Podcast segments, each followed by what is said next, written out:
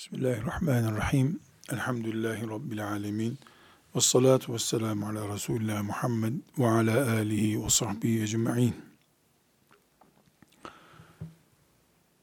Alimlerin tanındığı kadar, alimlerin alimliklerinin hakkını verdiği kadar, İslam yerleşik demektir. Alimlerin o ismin içini dolduramadıkları zamanda İslam'ın içi dolmuyor demektir. Çünkü Resulullah sallallahu aleyhi ve sellem mirasını alimlere emanet etmiştir. Alimler bir kenarda o mirasın dışında bir mantıkla beklediklerinde bunun bedelini İslam öder. Bu nedenle alimin zellesi yani ayak kayması bin cahilin zellesinden daha tehlikelidir. Çünkü cahiller yanlış iş yaparlar. Bu yanlışın bedelini kendileri öderler, çeker giderler.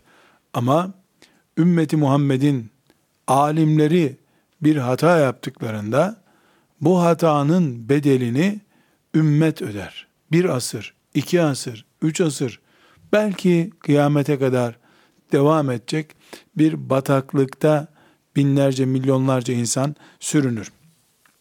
Burada e, bugün e, alimlerin özellikle dikkat etmesi gereken şeyleri bir ilim talebesi olarak zikredecek durumda değilim ama alimin psikolojisi diye bir başlık açmak yani gördüğümüz alimlerin üzerinde e, veya alimleri değerlendiren eserlerde gördüğümüz şeyleri e, izah ederken kullanacağımız bir uslup olarak e, bunu başlıklandırabiliriz. Alimlerin psikolojisi ya da alimin psikolojisi. Yani biz alim değiliz ama alimleri görüyoruz. Alimler görüyoruz, gördük. E, alimin kim olduğunu Hatip Bağdadi'den dinledik. İbn Abdilber'den dinledik. Zehebi'yi görüyoruz, alimi tarif ediyor. İbn Cema'yı görüyorum, alimi tarif ediyor. Genellikle alimlerle ilgili e, çok şey zikredilir. E, ben bunların hepsini zikretmeyeceğim ama alim psikolojisi diye bir psikolojiden söz ettiğimiz zaman bu asırda özellikle bu teknoloji çağında ve insanların humanizmin etkisine bilerek veya bilmeyerek girdikleri için herkesin kendisini bir put yapmaya çalıştığı, e, çocuklara sen varsın başkası yok gibi bir eğitim dalgası verildiği bir zamanda, bu zamanda peygamberlerin varisleri, Peygamber sallallahu aleyhi ve sellemin ilminin varisi olan alimin dikkat etmesi gereken birinci nokta, öğrenciye alim sahip çıkacak artık. Suyuti'nin peşinde dolaşan talebe ordusunu hiçbir alim beklememelidir. Bu zamanda alim psikolojisi değişik bir psikolojidir. Bundan önceki dönemlerde bir alimin peşine takılabilsem, beni derslerine soksa veya filan alimin işte bir duasını alabilsem e, devri bitmiştir diyebilirim. Bitmiştir. Büyük ihtimalle de e, yeniden geri gelmesi büyük uzun yıllar alacaktır. Büyük bir yatırımı gerektirmektedir. Bu dönemin alimi talebesini toplayabilen alimdir. Talebesini toplayacak, talebe toplamanın savaşını yapacak. Elbette ilmin ve alemin vakarını koruyarak yapacak bunu. Yani çıkıp da gazetelere ilan verip o okutacağım talebeler arıyorum diyecek hali yok herhalde. Ama e, şunu da beklememeli bir alim. Yani nihayetinde ben e, alemim, ilim adamıyım icazet vereceğim. E, herhalde e, tabur tabur inşa, insanlar peşimden gelirler filan zannetmemeli. O dönemini insanlık bitirmiştir. İnşallah tekrar gelir ama insanlık neden e, gençlerin, alimlerin peşinde koştuğu dönemi bitirmiştir? Bu sorgulamayı yapmak istemiyorum. Hep kabahat halkın, cahillerin değil, alimler de demek ki e, bunu değerlendirememişlerdir. Adını, soyadını kullanmaya gerek yok bu nedenin. Talebe alimin peşinden gitmiyor. Alim olmayı zeki, vasıflı gençler merak etmiyorlar. Buna özenmiyorlar. O zaman tıpkı e, insanların hidayet bulmaları için alimlerin din öğretmeyi vaci, vazife bildikleri gibi, bir vecibe olarak gördükleri gibi, aynı şekilde alimlerin okutacakları, ilimlerini miras bırakacakları talebeyi de kendileri bulmaları gerekiyor. Vakarını koruyarak, heybetini koruyarak koruyacak. Aksi takdirde e, bunu beceremeyen alimin e, herhangi bir şekilde miras bırakamadım, kimse gelip benim derslerime e, katılmadı diye bir şikayette bulunma hakkı yoktur. Burada alimlerin talebe bulamaması konusunu enine boyuna incelemek istemiyorum. Ama bilhassa Cumhuriyet idaresine geçildikten sonraki dönemde ama özellikle de e, meşrutiyet yıllarından sonra yani şöyle böyle bir 200 seneden beri hem hilafet diyarı Osmanlı topraklarında hem de e, Mısır gibi merkezlerde alimlerin insanları sadece talak hükümlerini öğrenmek için peşinde bulduklarını söyleyebiliriz. Evet İngilizler Mısır'da alimleri yıpratan bir kampanya başlattılar. Ama alimler İngilizlere destek olacak hatalar da işlediler. Usulü fıkı hocalarımdan bir tanesi e, Mısır'da e, Ezher mezunlarından biriydi. E, onunla bu meseleleri müteala ederken e, böyle işte ilim, talebe filan şeyler anlattım. Kolu dikkatimi çekti. Böyle bir gömleği açıldı bir ara. Kolunda değişik böyle bir benek gibi bir şeyler var.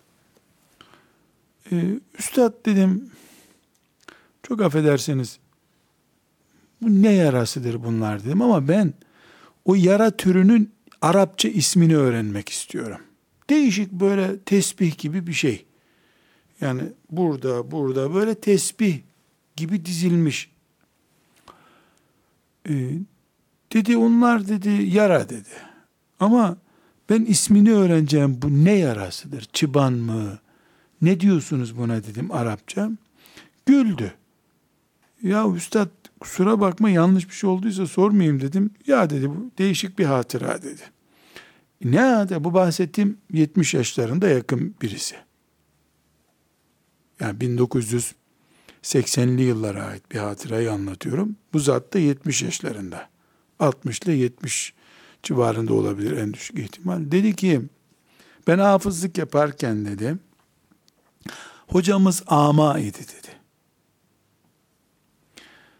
Bizi döveceği zaman dedi sopasını kaldırır biz de önüne bir minder gibi bir şey koyardık ona vururdu dedi. Vurur vurur ağlardık biz de bize vurmuyor aslında. Görmediği için kime vurduğunu e, boşa vuruyordu. Böylece günler sonra anladı ki bizi dövemiyor.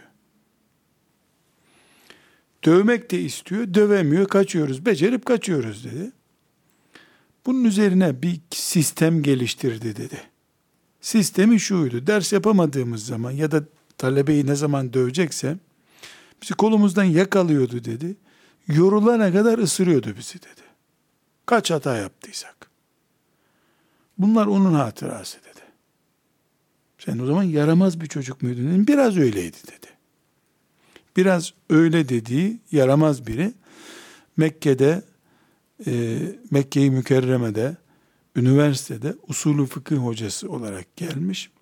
Mekke'de biz, keşke açmasaydım bu konuyu, onunla konuşmasaydım diyorum ama Mekke'de biz e, bir alimin ya da bir Kur'an hocasının talebesine e, yaptığı işkenceyi konuşuyoruz. Ve adam 60 yaşını geçmiş, kolunda tesbih dizilmiş gibi izler var. Benim dedi her yerimde var bunlar dedi. Neremizi yakalarsa oramızı ısırırdı dedi. E dedim senin hocan kurtmuş o zaman dedim. Güldük hep beraber. Bu sadece enteresan bir e, örnek olduğu için zikrediyorum. E, insanlar hep cumhuriyetçi, laik e, ve benzeri Kur'an düşmanı oldukları için alimleri ihmal etmediler. Alimler de becerip insanları kendilerinden uzaklaştırdılar demek ki.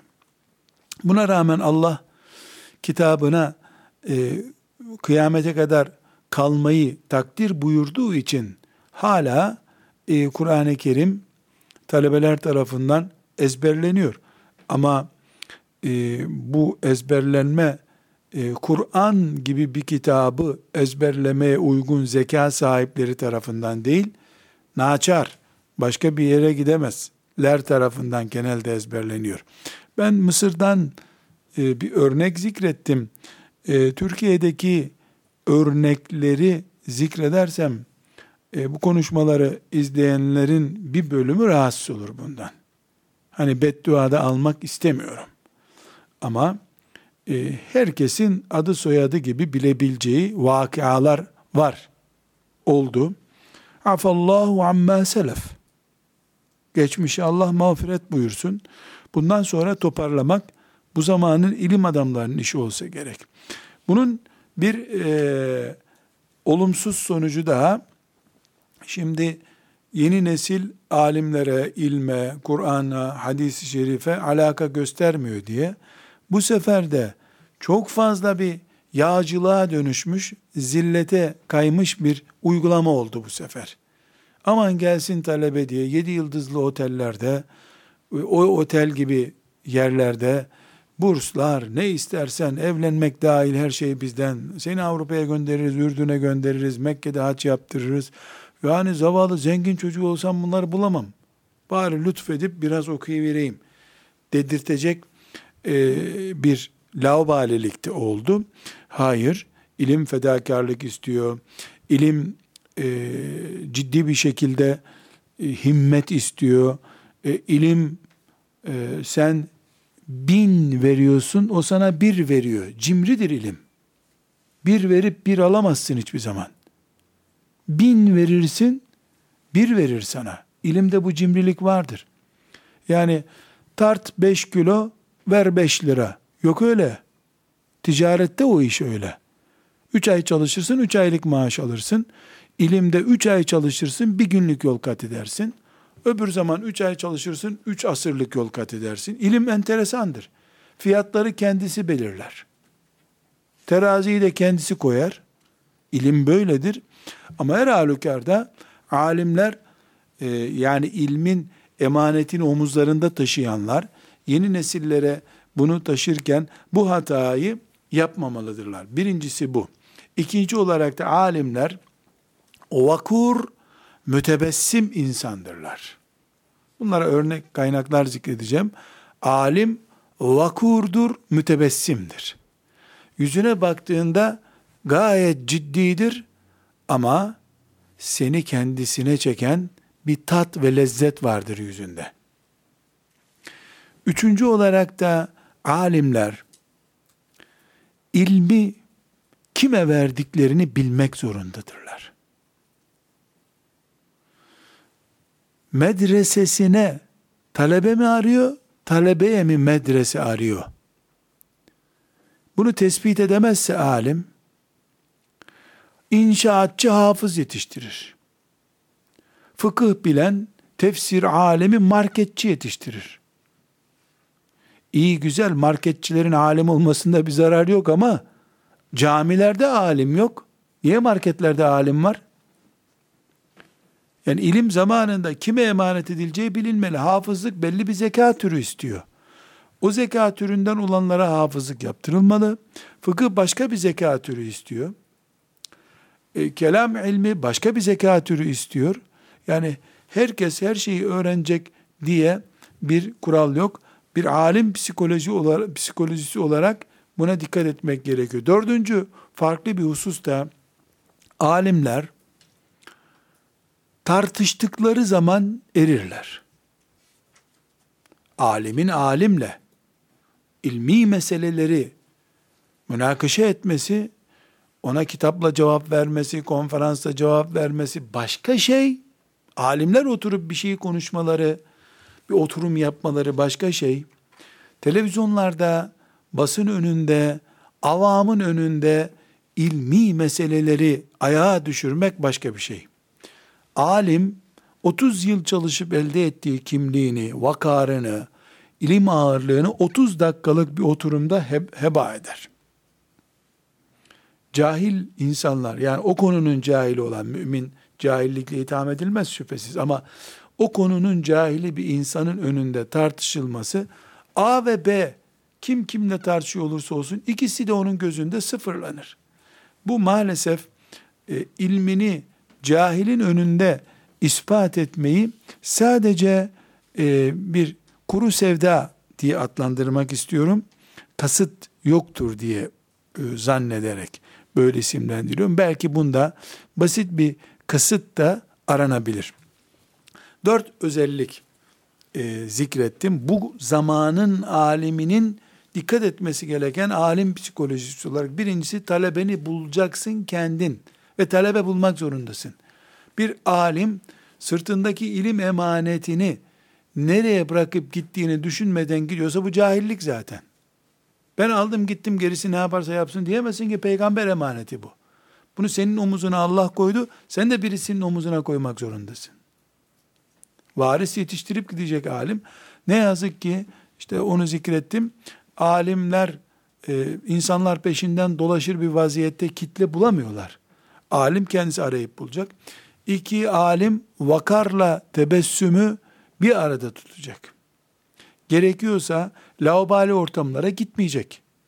Alim heybeti diye bir heybet olmalı ama bu heybet kibre ve insanları hafif görmeye sevk etmemeli. İlmin ağırlığını taşıma yönünde bir vakar olmalı. Üçüncüsü ilmi verdiği insanlar e, ilme uygun insanlar olmalı. Başka bir ifadeyle. Dördüncü olarak da alim cahillere intikal eden bir tartışmanın içine girmez. Üç tane talebenin beş sene çalışıp doktora tezi olarak elde edeceği bir konuyu e, çiftçilerin önünde tartışanın alimallah aklı olmadığını düşünüyorum. Bir gün bir yere gitmiştim ben enteresan bir örnek olarak zikredeyim. E, bir konuşma yapacağım. Beni çağıranlar dediler ki hocam senden önce bir toplantı yaptık biz. Bu toplantıda çok enteresan bir tartışma oldu. Çağırdığımız hoca efendi insanlara Adem Aleyhisselam'ın yaratıldığı cennetle bizim gideceğimiz cennet aynı cennet değildir diye iki saat konuşma yaptı dedi. İnsanlar da ya biz nereye gideceğiz? O cennet bu cennet midir? Bunu bir haftadır böyle zevk sefa içinde tartışıyorlar. Herkesin kafası karıştı. Sana sorulacak hazır ol dediler. Ben de e, kürsüye çıkınca dedim ki kardeşlerim dedim bugün çok yorgunum kusura bakmayın bugün soru yok ona göre dedim. Sormayacaksanız konuşayım yoksa ben gidiyorum dedim. Böylece ön bir tuzakla soruyu engelledim. Ama benim başıma ne geldi? İnsanlar onun cevabını öğrenmek için beni beklediklerinden benim konuştuğum konu da boşa gitti. Sonra o hoca efendiyi bir sebeple buldum. Böyle bir şey oldu mu dedim. Ya dedi yani ilmin geniş olduğunu anlatmak istedim dedi. Ya ilmin geniş olduğunu kafası geniş adamlara anlat sen. Siz hafız mısınız dedim yok dedi. Şu Adem ve cennet kelimeleri geçen ayetleri bir bana oku ben de ikna olayım dedim. Dosyam yanımda değil dedi. E benim yanımda dedim. Kafamda. 50 senedir yaklaşık kafamda o ayetler. Ben okuyayım sen bana anlat dedim. Hangisinden bunu çıkar? E Kurtubi'yi görmedin mi dedi. Gördüm dedim. Sen Kurtubi'de başka bir şey görmedin mi dedim. Kurtubi'de bu konuyla ilgili 300 tane paragraf var. 298 tanesi dikkatini çekmedi. İki zıt paragraf mı senin dikkatini çekti? Kurtubi'de görmek diye bir şey var mı? İnsanları niye aklına göre konuşmuyorsun ki insanları diye bir rica ettim. Ya dedi o anda dalgınlık oldu filan. O da pişman olmuş. Ama alim insanların önünde tartıştığı zaman ilmine de zarar verir. Kişiliğine de zarar verir. İki üç kişi alkışlar belki. Bravo çok harikaydı. E fitneden hoşlanan birkaç kişi muhakkak bulunur. Biz birkaç kişi için değil Allah rızası için bir iş yapıyor olmamız lazım. Şimdi bu bahsettiğim dört özelliği e, hadis-i şeriflerle teyit etmek istiyorum. Cerir İbni Abdillah el-Beceli radıyallahu anh bu sahabiyle ilgili birkaç kere daha ismi geçtim. E, bir e, hadis-i şerif var. Dedik ki alim talebesiyle ilgilenecek, talebesini bulacak, talebesine mütebessim olacak. Yani alemin bir karakteri var. Bukhari'de 3822. hadis, Müslim'de 2475. hadis, Tirmizi'de 3820. hadis, İbn Mace'de de 159. hadistir. Bu bahsettiğim Cerir İbn Abdillah radıyallahu anh isimli sahabi çocukken Peygamber aleyhisselamın dizinin dibine oturup e, şereflenmiş sahabilerden birisidir. Çok genç yaşta. E, diyor ki ma hacebeni Resulullah sallallahu aleyhi ve sellem munzu eslemtu ve la ra'ani illa dahik. Şimdi çocuk bir sahabi bu. Peygamber aleyhisselamı tanıtıyor. Ma hacebeni Resulullah sallallahu aleyhi ve sellem munzu eslemtu. Ben Müslüman olduktan sonra Resulullah sallallahu aleyhi ve sellem yanına girmemi hiç engellemedi. Beni her gördüğünde de muhakkak tebessüm etti. Şimdi bu e, Cerir radıyallahu anh belki 60 yaşındaydı bu hatırasını naklettiğinde. Yani Peygamber Efendimiz vefat etmiş, Kulefa-ı Raşidin vefat etmiş. Böyle bir tatlı e, sahabe hatırası olarak konuştuğu bir yerde e, yani peygamberi anlat dendiğinde yıllar geçirmiş. Mesela 10 seneye yakın zaman geçirmiş Mekke, Medine'de Resulullah sallallahu aleyhi ve sellem Efendimizle. Veya 8 sene neyse. E şimdi bu yıllar e, geçiyor. E, bu uzun yıllar içinde peygamberi anlat dediğin zaman bana hiçbir zaman engel çıkarmadı yanına gittiğimde diyor. Beni her gördüğünde tebessüm etti diyor. Efendimiz sallallahu aleyhi ve sellem çocuklarla oynayacak ortam her zaman bulamadı ki. Ne her zaman çocuklara tebessüm edecek kadar neşeli olabilecek kaç günü vardı aleyhisselam efendimizin. Ama önüne cerir bir genç olarak geldiğinde onu kendi dertleriyle karıştırmayıp kafasını tebessüm etmiş. O da Resulullah'ı her gördüğümde tebessüm etti bana diyor. Sanki Resulullah sallallahu aleyhi ve sellem Efendimiz hep tebessüm ediyordu. Olur mu canım hep tebessüm ediyordu? Hep tebessüm etmiyordu. Hep dişleri görünür vaziyette değildi. Ama bu çocuk onu öyle hatırlıyor. Önüne çocuk geldiğini, genç geldiğini, o genci tatlı karşılamak gerektiğini bilen bir muallimdir o sallallahu aleyhi ve sellem Efendimiz. Evde hanımına kızıp talebesinden intikam alan muallim değil hanımıyla cedelleşti. Mesela bu sahabi e, Tahrim suresinin indiği zamanlarda Efendimizin yanına uğramıştır büyük ihtimalle. Efendimiz sallallahu aleyhi ve sellem Tahrim suresi indiği günlerde çok huzursuzdu. Hanımları onu üzmüşlerdi, huzursuzdu. Ama Cerir bunu hissetmemiş. Evet bu ayrıntıyı bilmiyoruz biz ama e, ve la ra'ani illa dahik. Ne zaman beni görse tebessüm ederdi diyor. Demek ki bir hoca karakteri, hoca tiplemesi var ortada. Bir konu daha önemli. Ma hacebeni Resulullah sallallahu aleyhi ve sellem. Ben geldiğimde hiçbir zaman Resulullah sallallahu aleyhi ve sellem e, içeri girmeme engel olmadı. Tabi e, bu sahabi e, biz de girince ayak ayak üstüne atıp akşama kadar otururduk. Kim kahve getirirlerse içerdik yapmamıştır muhakkak. Gelip mübarek elini öpüp feyiz kapıp çıkmışlardır dışarı. O da nasıl olsa bunlar çıkacak diye e, çocuklar doluyum sonra gelirsiniz dememiş hiç.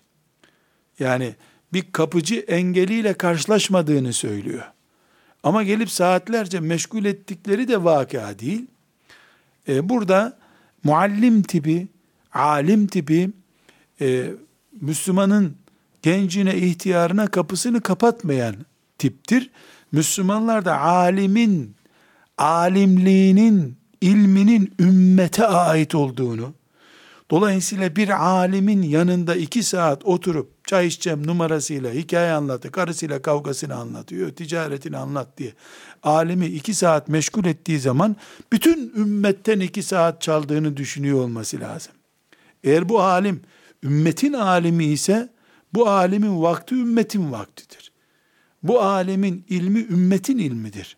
Bu alim ümmetine miras bırakacaktır. Her gelen karısıyla kavgasını iki saat anlattığı bir alim, e ne edecek? Ne zaman vakit ne zaman ilmiyle meşgul olacak? Talebesini ne zaman okutacak? Her halükarda e, alim insanlar ümmete kapılarını kapatamazlar. Çünkü ma hacebeni Resulullah sallallahu aleyhi ve sellem munzu eslemtu.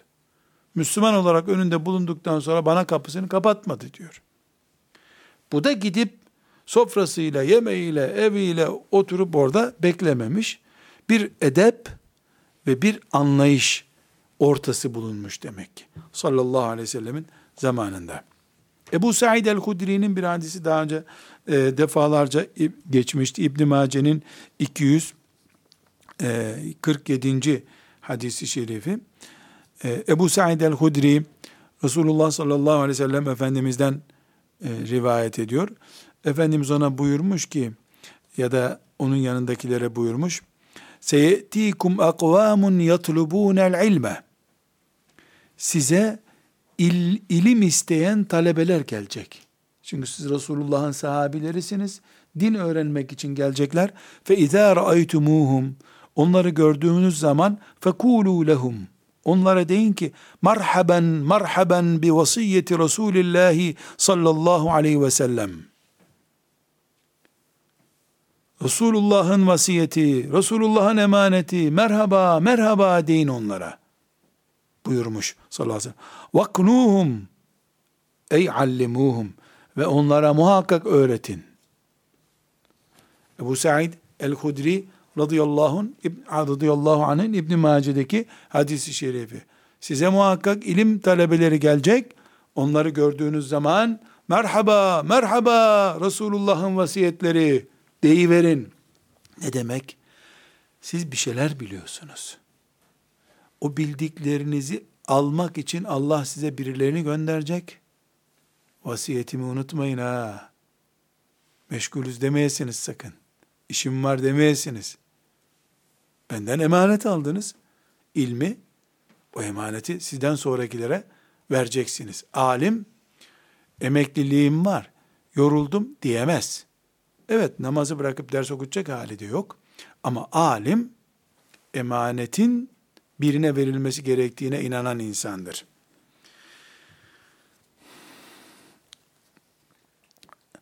Ebu Harun el-Abdi diye bir zat tabiinden diyor ki Ebu Said el-Hudri'nin e, yanına e, giderdik bize derdi ki diyor. Bu da de Tirmizi'de 2650. hadis. İbn Maci'de yine 249. hadistir. Ee, bu önce hadisi rivayet ediyor Ebu Said el-Hudri. Sonra Ebu Harun el-Abdi de bu olayı ondan dinleyenlerden biri. O da diyor ki Ebu Said el-Hudri'nin yanına giderdik. Talebe olarak otururlarmış. Bir tabii sahabinin yanına gidiyor. O da bize derdi ki merhaben bi vasiyeti Resulillahi sallallahu aleyhi ve sellem. Resulullah'ın e, vasiyeti olan gençler merhaba merhaba derdi bize diyor. Bir sahabi Resulullah bize böyle emretti diyor. Tabii de şahit oluyor böyle yapardı bize diyor. Alim pratiği. Enes İbni Malik radıyallahu anh'ın İbn Mace'de 224. hadis-i şerif bu. Ee, çok e, önemli bir nokta. Dedik ki ilmi kime verdiğini iyi düşünecek alim. Medrese kapanmasın diye talebe okutmak yok. Ehline okutmak var. Ee, İbn Mace'nin bu hadisinde Enes İbn Malik diyor ki talebul ilm Resulullah sallallahu aleyhi ve sellem efendimizden rivayet ediyor. Talebul ilmi feridatun ala kulli muslimin. İlim öğrenmek her Müslümana farzdır.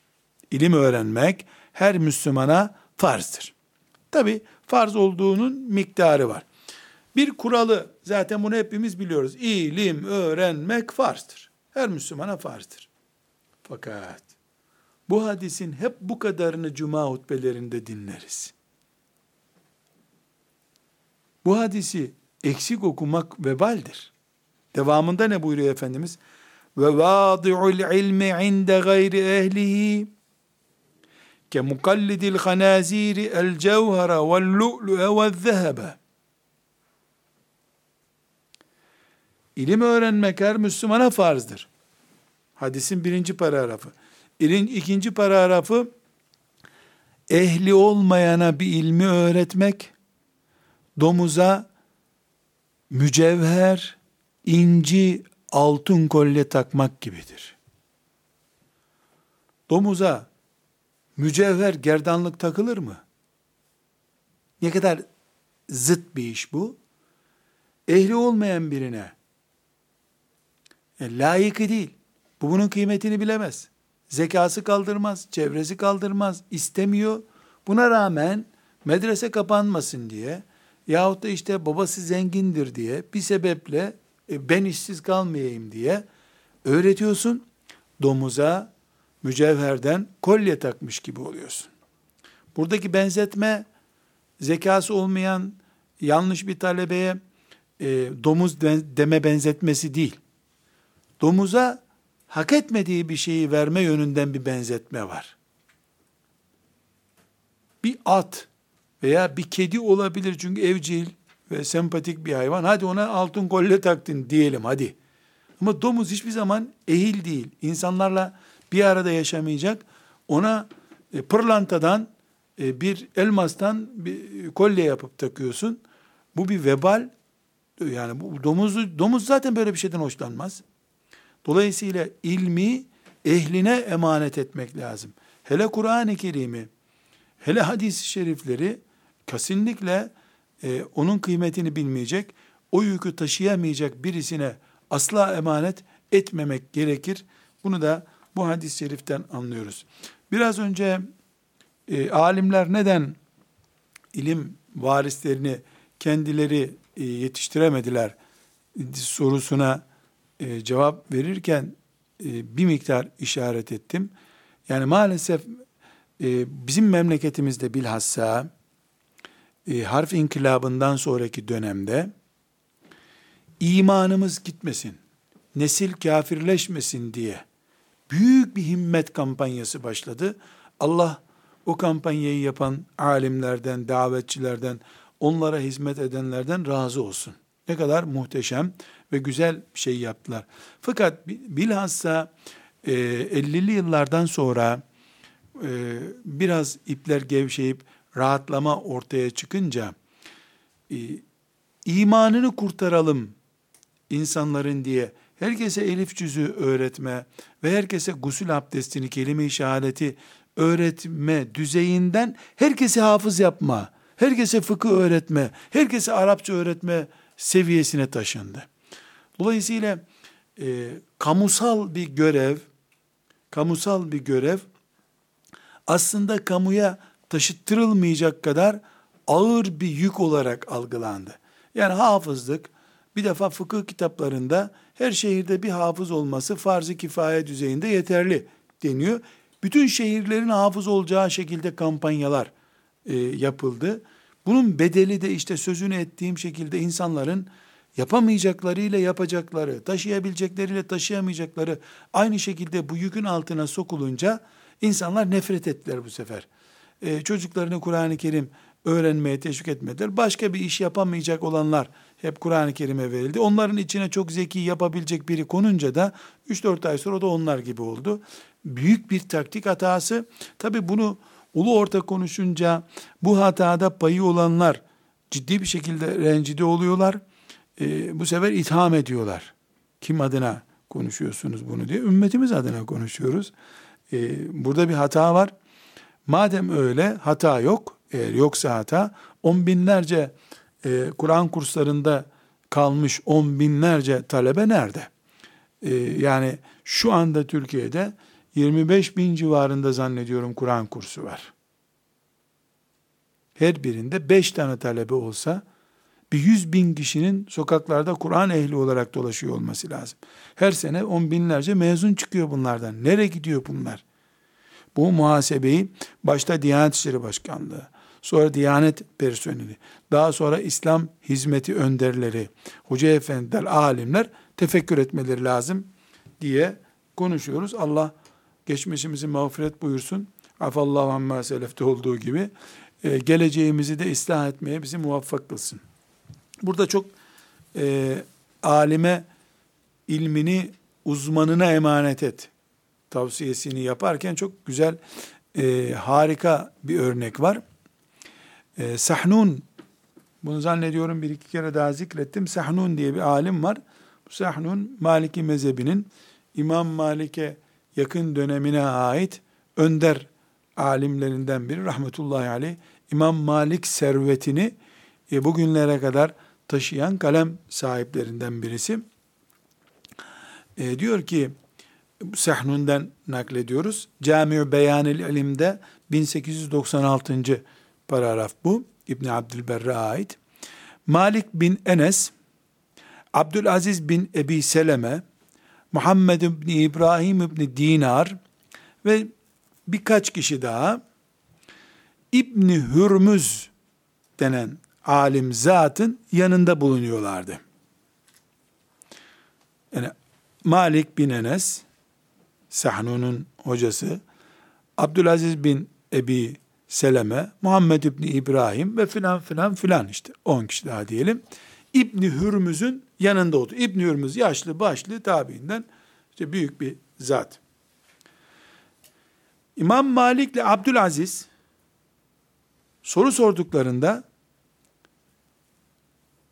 cevap veriyor Hürmüz. İbni Hürmüz cevap veriyor. Malik bin Enes'in ve Abdülaziz'in dışındaki biri soru sorduğu zaman cevap vermiyor, susuyor. Bir gün İbni Dinar, yani bu İbni Dinar'a da cevap vermiyor. Şimdi beş talebe düşünün, İbni Hürmüz gibi bir alemin önünde oturmuşlar. E, İbni Hürmüz'e ders soruyorlar. Malik sorduğunda cevap veriyor. Abdülaziz sorduğunda cevap veriyor. İbni Dinar sorduğunda cevap vermiyor. İbni Dinar bunlar rahatsız olmuş. Demiş ki,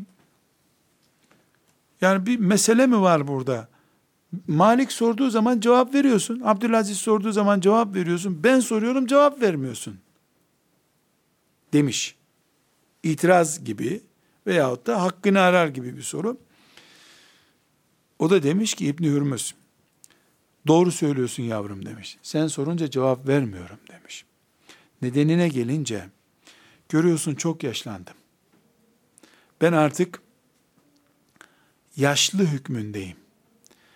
Ve aklımın da yaşlandığını düşünüyorum.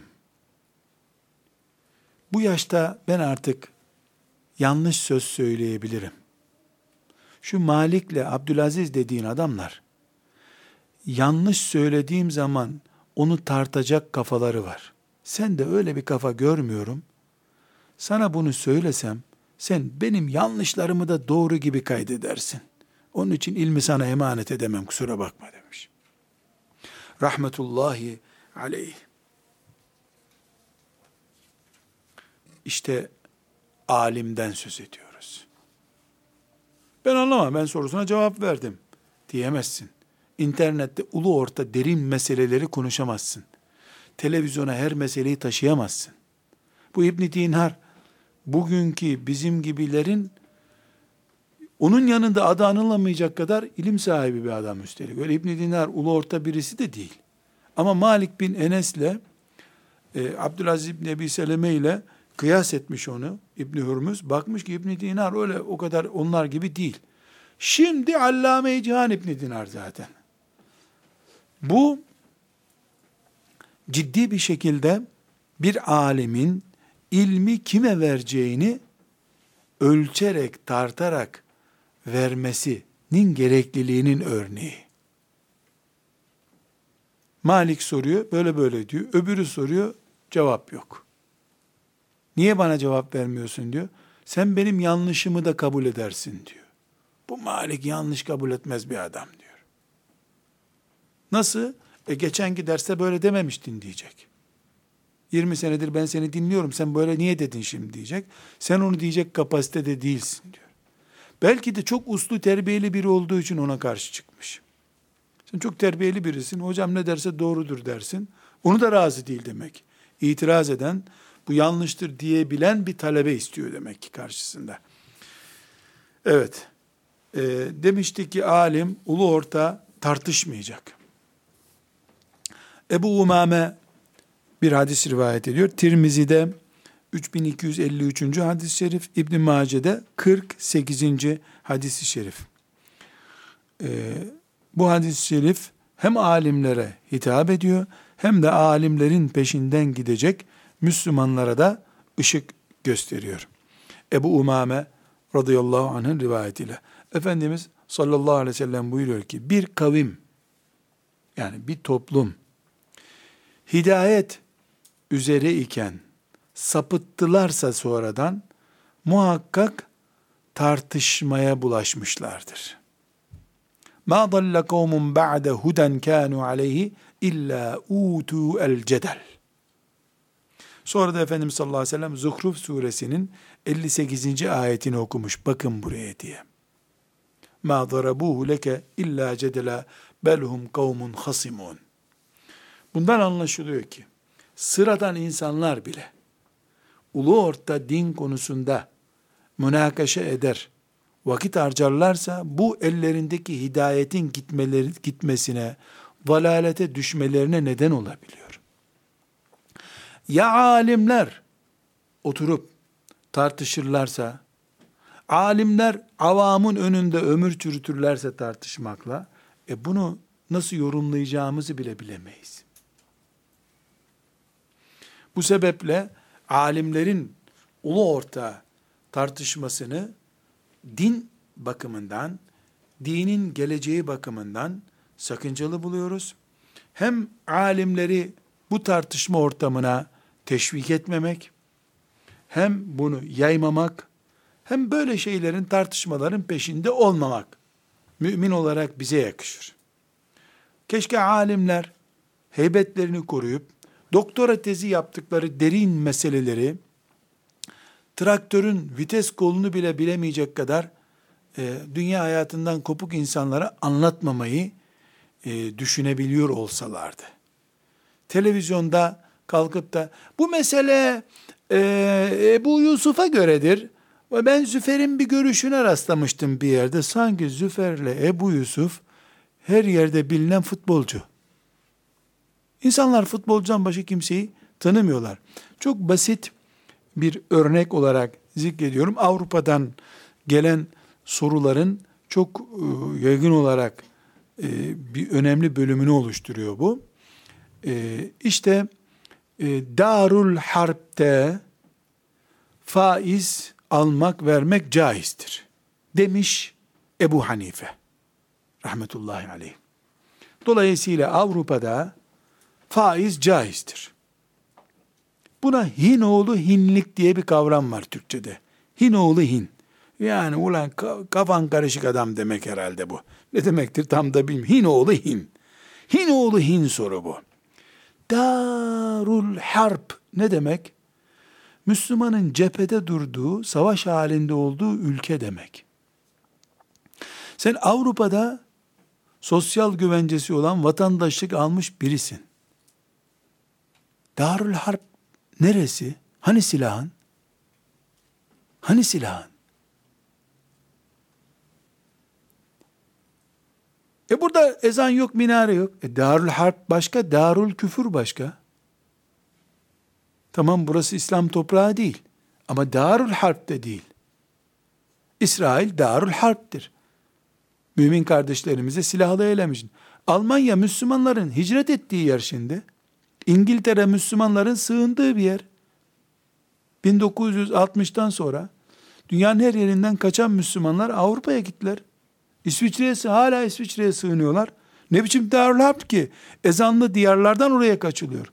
Laf oyunu yapılıyor burada. Allah'ın en büyük haramlarından biri kılıflandırılıyor.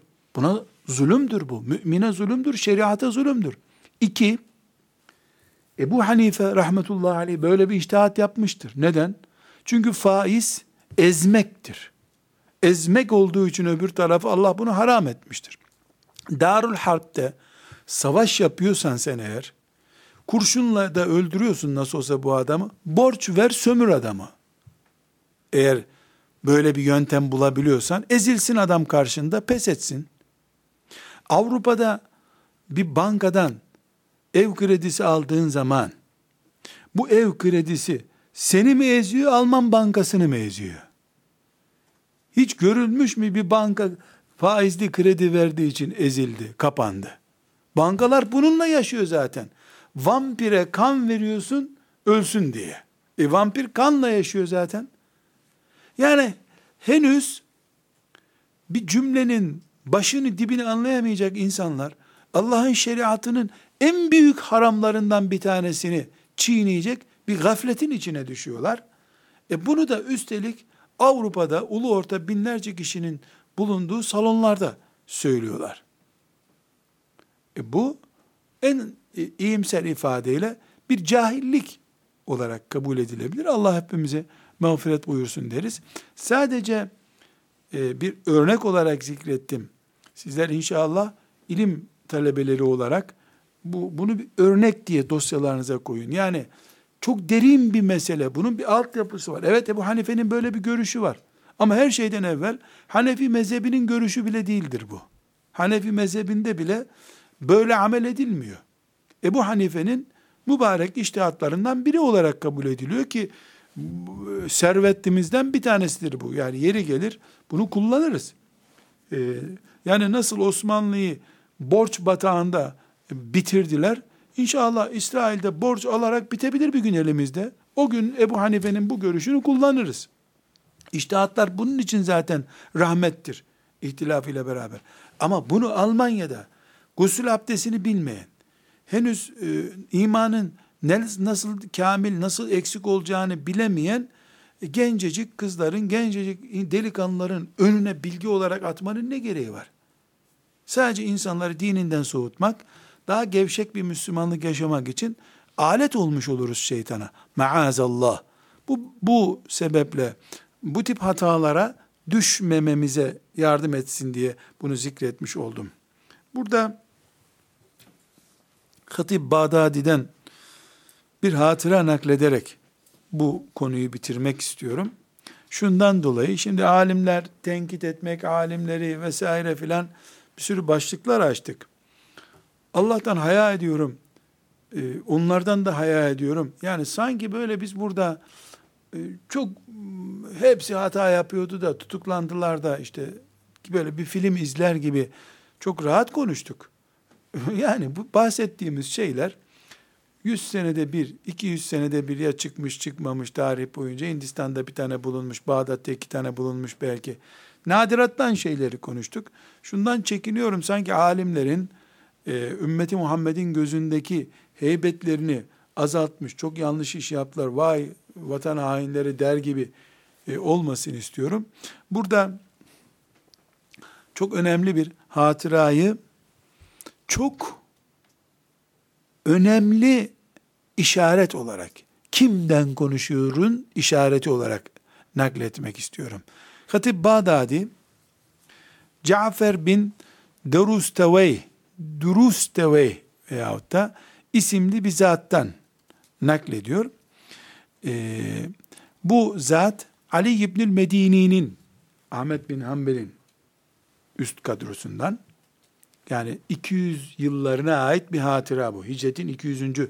senelerine ait bir hatıra. E, dolayısıyla İmam Buhari'den de önceki döneme ait bir hatıra. Tekrar ediyorum, konumuzda çok ilgisi yok. Ama biz kime alim diyoruz? Kimdir bu andığımız insanlar? Ee, bizimle kıyas edilebilir mi? Ya da biz onlarla kıyas edilebilir miyiz? Ya da biz işte bir seçme sınavına girdik de filan yere girdik. Maşallah ne himmetler gösterdik. İmtihana iki hafta kala da yoğun çalıştık. Hatta Facebook sayfasını bile kapalı tutmuş imtihana çalışıyor iki haftadır. Yani kendimizi böyle çok emekler vermiş gibi. Herhalde bizden iyi alim olmaz gibi düşünüyoruz ya yer yer. Düşünenler oluyor ya diyelim. Yani bir boy ölçüsü olsun. Bir kıstas. Bir ölçek olarak zikretmek istiyorum. Bu Cafer rahmetullahi aleyhten. Ee, El Cami'ül Ahlakir Ravi Hatib Bağdadi'nin 575. sayfada benim paragrafımda, benim baskımda ee, diyor ki Kunna ne'khudul meclise fi meclisi Ali ibn el Medini vaktel asril yevme li meclisi gadin yarın sabah namazında Ali İbnül Medini'nin dersine katılabilmek için Ali İbnül Medini kim? Ahmet bin Hanbel'in kadrosundan yani hoca kadrosundan e, hadis dersi okutuyor. Talebeler gelip oraya katılmak gerekiyor. Caminin bir köşesinde okutuyor. Sabahleyin ders verecek Ali İbnül Medini. Sabahki derse katılabilmek için önceki gün ikindi namazından itibaren orada otururduk. Yer kalmıyordu çünkü. İkindi namazından sabah namazına şimdi kaç saat var? Sabah namazının 6'da olduğunu kabul edelim. İkindi namazı da 5'te oluyorsa demek ki 11 saat önceden oturuyor. Derse oturuyor. Ama bitmedi. Bu Cafer İbni Durustevey naklediyor. Bunu neden yapıyormuş? Hocayı duyacağı kadar mesafede yer kalmıyor. E hoca en fazla 100 metrede sesi duyulacak. E 100 metrelik mesafe 2-3 bin kişi kapatıyorlar. O 2-3 bin kişilik mesafede daha ses duyulmuyor. Hoparlör yok, bir şey yok. 1200 sene önceki hatıralar bunlar. Şimdi bakın ne diyor. Ve ra'eytu şeyhan fil meclisi bir hoca yani büyük yaşlı bir adam gördüm bir kere. Yebulu fi taylesanihi ve yudricu taylesane hatta feraga mekafete en yu'gade mekanehu in kâme lil bevli. Yaşlı adam idrarı gelmiş. Çişi gelmiş. Şimdi kalkıp gitse hemen birisi gelecek onun yerine oturacak.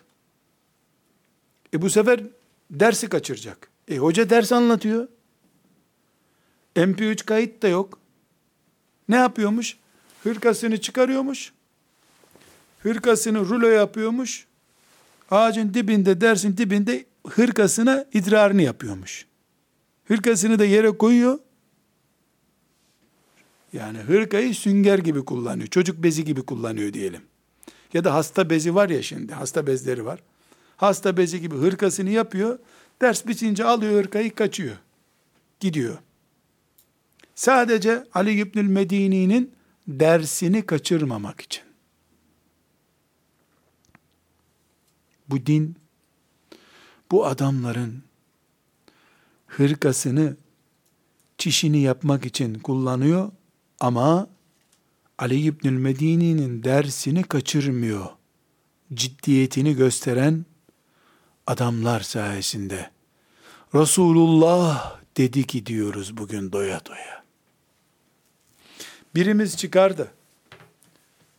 Hırkasına çişini yapan bu adamları ulu orta kılleti edep ile anarsak mahşer yerinde bu adamlarla karşılaşamayız. Bu adamlar lise giriş sınavına hazırlanan talebeler değiller. Şarkıcı seçme yarışmalarına da katılanlar değil bunlar. ümmeti Muhammed'in hadisi alimleri. Kim bilir o adam 60 yaşında mıydı? Şeyh diyor çünkü. Şeyh Arapçada 60'ın üstündeki sakalı beyazlamış adama deniyor. 60-70 yaşında adam Ali İbn Medine'nin dersine oturmuş. Ancak kulaklarının duyacağı yerde ihtiyar adam çişi gelmiş. İdrarı gelmiş. E kalksa gitse bir daha oraya gelemeyecek. Zaten ders bitecek. Çıkarıyor hırkasını. Hırkasını çocuk bezi gibi milletin içinde idrarını yapıyor. E niye ona bakmadılar o zaman? Herkesin içinde nasıl yaptı bunu? Heh. Bu sorunun cevabı şu. Ali İbnül Medini ders okurken adamın ceketini alıp gitsen adamın haberi olmaz ki. Herkes Resulullah dinliyor orada. Hadis dinlerken bu adam idrarını mı yapmış, bayılmış mı kim ona bakacak orada? Kaşına kaşına dinlememişler. Can vere vere dinlemişler orada. Ali İbnül Medini rahmetullahi aleyhim cemi'an ve radiye anhum ila ebedil abad. Ve sallallahu ve sellem ala seyyidina Muhammed ve ala alihi ve sahbihi ecma'in. Velhamdülillahi Rabbil alemin.